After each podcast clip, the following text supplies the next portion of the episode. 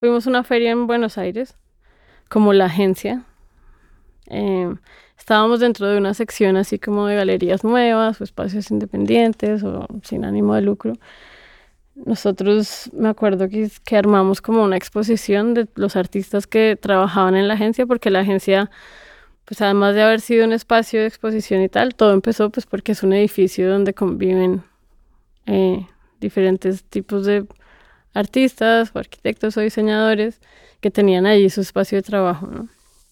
Entonces sí que había como una comunidad eh, de artistas y de compañeros que cuando nos sugieren como ir a una feria, em, pues nos interesaba mucho hablar del proyecto de la agencia como espacio, pero también eh, mostrando como el trabajo de los artistas que allí convivían. Y bueno, funcionó mucho como ya tener un stand de feria y sí que nos eh, empezó a conectar como con otros agentes más internacionales en relación como a las prácticas que lleva la agencia y el programa de residencias, ¿no? Como que se convirtió ahí en un espacio de promoción eh, más que de venta, o sea, era como, eso estaba como en un segundo plano. Y luego al siguiente año, cuando, cuando existió la posibilidad de volver a esa feria, eh, pues la mayoría de la agencia dijo como, pues no, esos no son espacios como para este proyecto, eh, no funciona y, y bueno, no quisieron hacerlo. Santiago, Santiago y a mí sí nos, sí nos interesaba, Santiago Pinjol y a mí sí nos interesaba un poco más y fue algo, fue como un momento en el que pudimos juntarnos con otros dos amigos y como armar un nuevo proyecto que se llama Carne, pero de eso no se trata este podcast. Trabajar con otros es súper complicado también, esta idea de la pesadilla de la participación, ¿no? Que como que llegar y resumir y tomar error y generar como expectativas y trabajar con las expectativas de los otros y hackearles esas expectativas y como que implica yo creo que muchos fracasos escenarios. Yo creo nosotros, por ejemplo, hoy en día eh, fracasamos en las conferencias todas las veces, o sea, todas las veces que nos invitan a una conferencia, fracasamos, así como que, qué dinámica tan aburrida, eh, no pudimos transmitir, no pudimos experimentar, no pudimos lograr ningún afecto, así es como... Entonces, por ejemplo, ese también es, hemos empezado a trabajar cómo presentarnos nosotros desde ese gesto, ¿no? Tan, tan importante, entonces muchas veces intentamos y salir de salir al espacio, salir a la calle, ¿no? Como reinventar creativamente hasta esos escenarios eh, nos parece importante.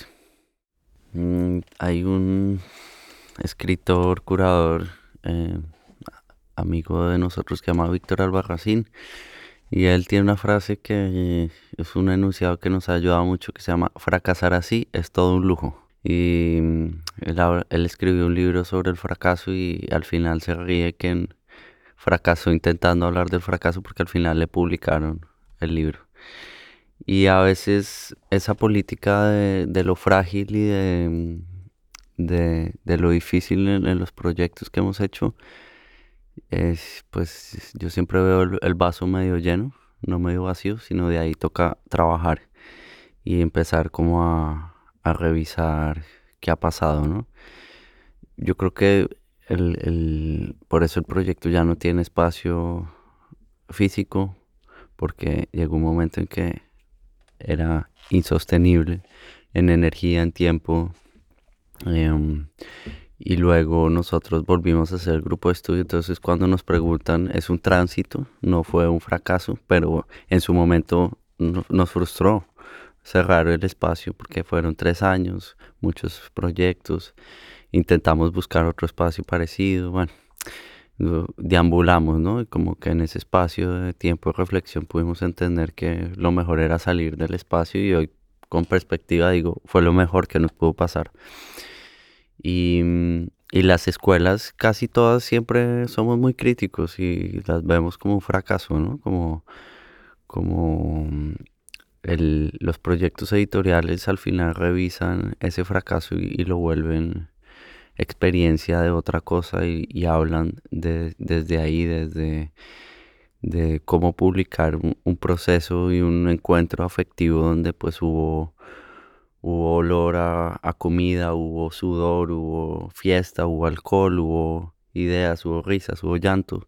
Pues eso es muy difícil de, de llevarlo a la representación o llevarlo, sí, y, y, siempre fracasamos como editorialmente también intentando llevar o, o, cumplir esa expectativa. Y creo que desde ahí planteamos siempre, por ejemplo, los proyectos editoriales que no sean catálogos, sino que sean otra cosa. Muchos de los textos que están en las introducciones de los libros, los glosarios que hacemos, pues todos los textos que produce la agencia como agencia, eh, pues sí que no están, pues si no los escribe una persona, es como un Google Docs del infierno. Es como... Son cinco voces, cinco maneras de escribir, Unas más dulzonas que otras, unas más directas, otras más metafóricas, otras más enredadas, que está bien, eh, pero sí, como ya como sentarse a, a revisar un texto que vamos a publicar, que es un poco la voz de la agencia, que sí tiene que mostrar pues sí que es muy rico que muestre un montón de matices y que se entienda que no es una, una sola voz. Em, sí, o, a veces nos podemos pasar y esto lo editamos y queda así como un texto de, pues una introducción muy seria. O a veces puede ser una cosa un poco más juguetona. Pero sí, escribir a cinco, a cinco voces eh, con el tema de, con, sí, como con el tema de la publicación, de lo, de lo performativo y, y el lenguaje, eh, pues es una cosa que, no, que sí tenemos que mediar mucho entre nosotros, que entre todos yo creo que nos hemos enseñado formas de escribir y esas y esos formatos como de, de preguntas y respuestas o los glosarios sí sí que nos dan como una pista o una manera de escribir las cosas. Entonces, por ejemplo, el glosario de la escuela, de la fábrica de conocimiento, em, fueron, es que ya no me acuerdo, fueron 12 semanas, cada semana tenía un tema, como unos términos que se pusieron juntos, la verdad, muy improvisadamente entre Mónica y yo un día, como que no, pero esto debería tener un, las, sí, las semanas deberían tener un título, ¿qué hacemos?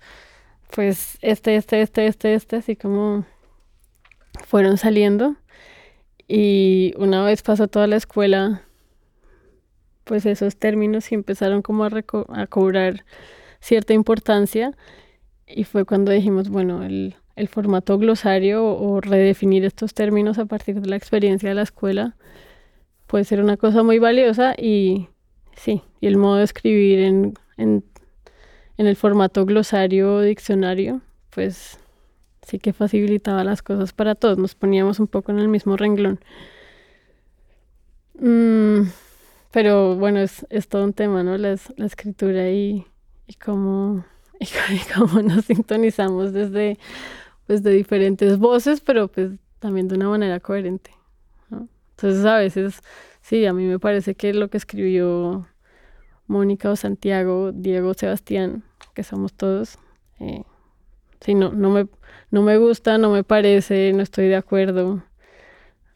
pero para la persona que lo escribió, pues es importante, le parece, es una reivindicación para él mismo, ¿no? Como, y, y esas discusiones también, eh, pues pueden ser eternas por una tontería, pero también pueden, pueden ser muy determinantes a la hora de, pues sí, de plantear una idea pues de comunicarla, ¿no? Como que también detrás sí nos queda a nosotros toda esa discusión, pero ya de cara al que está leyendo, pues es una cosa y solo una. pero es chévere porque también pues lo, nos lo hemos planteado mucho en esos términos cuando, cuando aparece, cuando ya adoptamos este esta dupla arte-educación, la, la adoptamos porque la planteamos como una idea de territorio. ¿no? Entonces, es un territorio que se construye, o sea, que habitamos y que se y que va apareciendo en la medida que vamos, venimos, ¿no? Unos estudian allá, vuelven, enseñan en otro lugar. Eh, y es como una red de afectos que sí va como tejiendo esa capa del, territorio del arte y la educación, ¿no? que, es, que es una cosa como que está cambiando todo el tiempo eh, y se da es más por las deslocalizaciones o los movimientos entre lugares, como de ideas que van de un lugar a otro. Y eso, y eso yo creo que hace parte de, sí, de la escritura en colectivo. ¿no? Como unos escriben en su casa, otros escriben en el taller, otros están como resolviendo otras cosas y, y eso va siendo parte. Digamos que diseñar los procesos y los proyectos del colectivo implica sí, un ejercicio de diseño colectivo y de muchos lenguajes y que esto justamente lo intentamos siempre llevar a la práctica. Creo que mm, escuchando un poco las conversaciones ahorita pensaba mm, que, que, los lenguajes de, de, sí, de los proyectos que enunciamos son muy distintos, muy diversos, pero que intentan siempre ir a lo más, a lo más sencillo, ¿no? Y, buscan, sí, como que estén bien, bien diseñados, pero también bien, bien sujetos a acomodarse o a acoplarse o a improvisar. Em, que es otro lenguaje que también creo que hemos como ejercitado em, y que muchas veces pues justamente desde la academia está mal visto improvisar, ¿no? Como o está mal visto, em, sí, como crear procesos que no tengan una estructura clara de, de investigación, de marco teórico, y ahí pues los lenguajes son, son muchos, ¿no? Yo personalmente me interesa mucho también la forma de, las publicaciones, de que sean sensuales, que sean fáciles de leer, que, que, comuniquen, ¿no? Que comuniquen también todas estas experiencias que no son solo lo que ha pasado, sino lo que ha producido y lo que produce. Justamente el beta es este término en software cuando uno va a lanzar un, un programa, un software que, está lleno de errores y que eventualmente hay que sacar el siguiente, ¿no? Y así fue. hicimos después otra, como replanteando todo lo que habíamos hecho. Luego volvimos a hacer una investigación, hicimos la fábrica de conocimiento, em, que fue un proyecto que además tenía como, como un ejercicio de curaduría, unas becas de curaduría y logramos con una beca de curaduría hacer una escuela. Creo que ahí también había como un gesto interesante de cómo se anunció esa escuela. Y luego al final, después de tener este, mm, sí, este clímax, de llegar a una escuela con recursos, eh, tuvimos que replantearnos hacer una escuela con lo mínimo, ¿no? Con lo, y nos dimos cuenta que, que en estos procesos de las tres escuelas ya habíamos logrado entender que lo que necesitábamos no era ni infraestructura, ni mucho menos profesores, ni sino gente y espacio, ideas. Y, y eso es un poco cómo se define la escuela de garaje. Estuvimos un mes en ese espacio, un mes en el programa del parqueadero en el Banco de la República. es un espacio residual que, que lograron darle como una, una programación pública diferente a la del museo, por también eso, por ser un parqueadero que finalmente no se usó, lo habilitaron y es un sitio que les permite llevar otra temporalidad, otras dinámicas, incluso con otros presupuestos y otras lógicas burocráticas, porque si os entrar a un museo es muy difícil solo a nivel de contratación, eh, por, eso, por eso es más fácil trabajar con artistas muertos. Digamos, ese fue un proyecto bisagra eh, en, el que, en el que, por ejemplo, llevamos absolutamente todo lo que habíamos hecho y estábamos haciendo y queríamos hacer.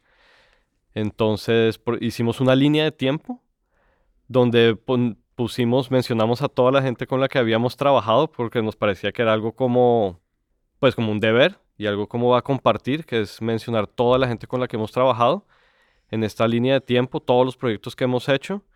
Y era una línea de tiempo dividida en institución, constitución y formación, algo así. Y, de alguna forma, pues, intentamos también poner como cosas que hemos diseñado, las invitaciones de las exposiciones cuando hacíamos exposiciones, fotos, videos. También, y, y luego hicimos una reproducción del espacio que tenía, que alguna vez tuvimos en escala 1-1. Era como una maqueta en escala real, hecha, digamos, era como el perímetro realizado en madera. Y durante ese mes realizamos cuatro exposiciones, una por semana. En la parte de atrás, de, en el fondo del parqueadero, estábamos realizando una escuela también durante ese periodo de cuatro semanas. Y los dos espacios como que negociaban entre sí.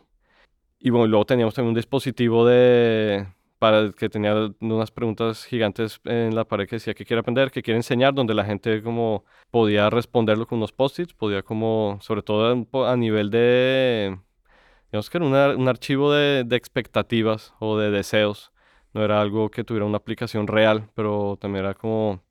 Pero entonces, digamos, ahí logramos estar muy intensamente dentro del museo, haciendo inauguraciones todos los viernes y haciendo talleres durante la semana.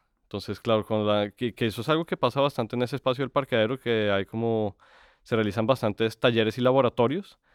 Sí, es una rutina interesante como ir a trabajar al museo, como ir a la oficina, pero, pero, a las salas de exposición. Entonces se, se acaba convirtiendo como una rutina peculiar, que es algo que también nosotros intentamos en, en París, en esta Bienal de Cosmópolis, donde también teníamos unas preguntas que cambiábamos cada semana, dos preguntas. La gente participaba con los post-its, pero esta vez nosotros sí estábamos más cerca de las preguntas o intentábamos estar allí interactuar directamente con la gente.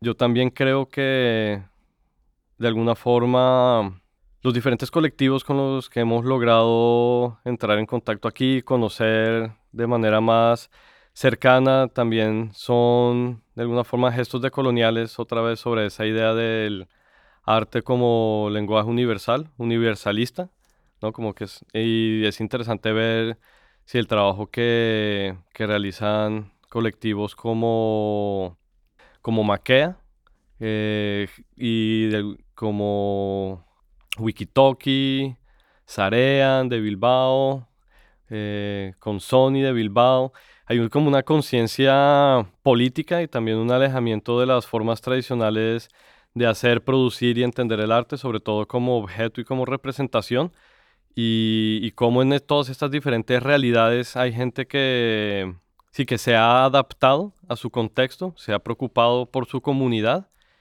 Para mí, yo creo para nosotras, eso es, esos son gestos decoloniales que empiezan a decolonizar la idea de lo que es y puede ser el arte, un poco empezar a decolonizar nuestra imaginación.